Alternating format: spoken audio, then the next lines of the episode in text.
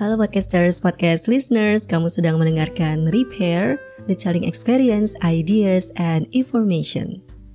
Setelah sekian lama libur, podcast ini akhirnya hadir lagi.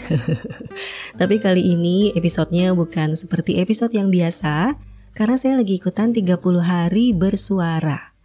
Satu challenge yang diinisiasi oleh The Podcasters Indonesia, di mana orang-orang yang ikutan challenge ini kita akan rilis podcast selama 30 hari dengan tema-tema yang udah ditentuin.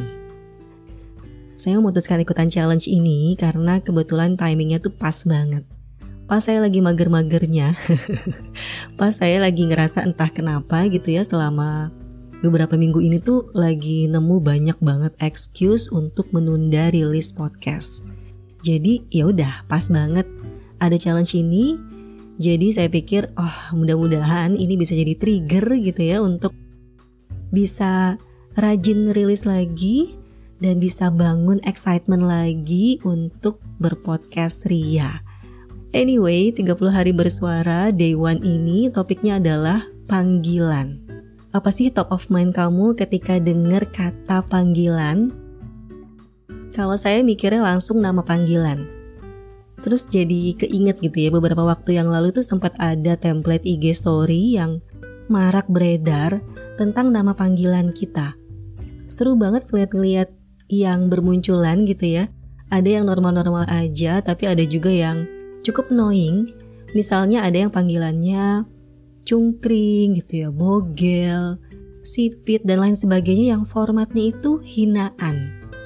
Mungkin gak banyak dari kita yang sadar kalau name calling atau memanggil seseorang dengan panggilan atau julukan yang tidak baik, ini sebenarnya bagian dari verbal bullying. Dan ironisnya praktik-praktik kayak gini tuh justru terjadi di lingkungan terdekat kita, di keluarga sendiri.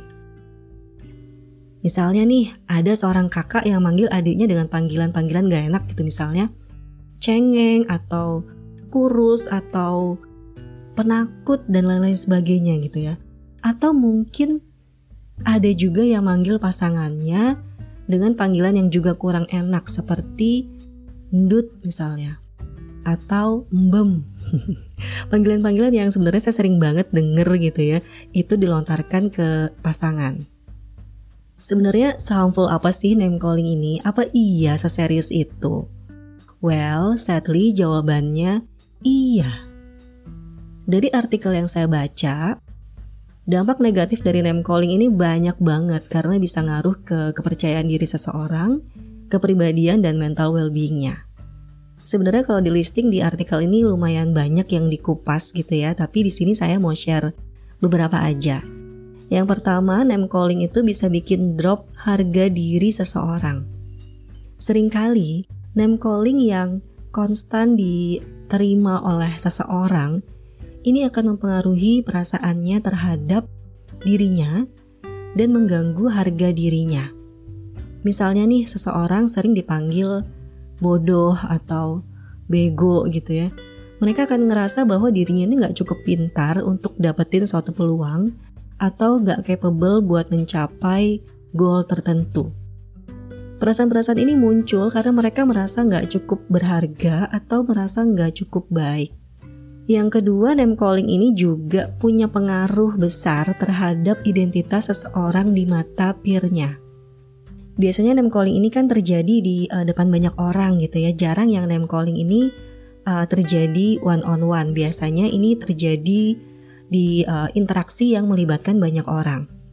Dan ketika terjadi, maka peer akan mengaitkan label yang menjadi julukan korban itu sebagai realita yang sesungguhnya.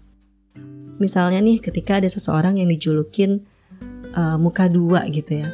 Maka orang-orang lain di sekitarnya jadi mulai percaya nih, oh orang ini berarti nggak bisa dipercaya. Lalu yang ketiga, name calling ini juga berpengaruh terhadap internal kritik seseorang.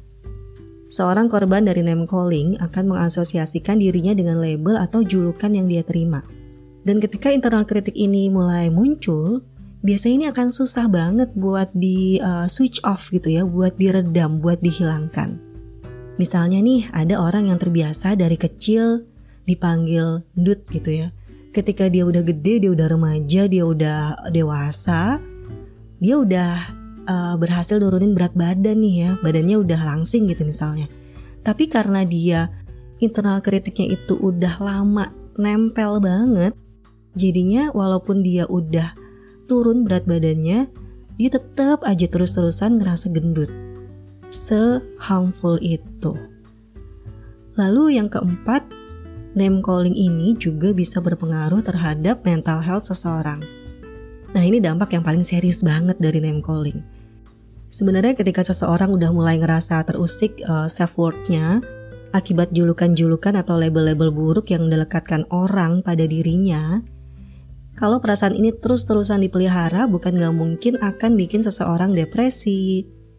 Dia juga akan merasa dirinya gak berharga dan lebih parah lagi, bisa memicu pikiran-pikiran self-destruktif yang lebih nyata.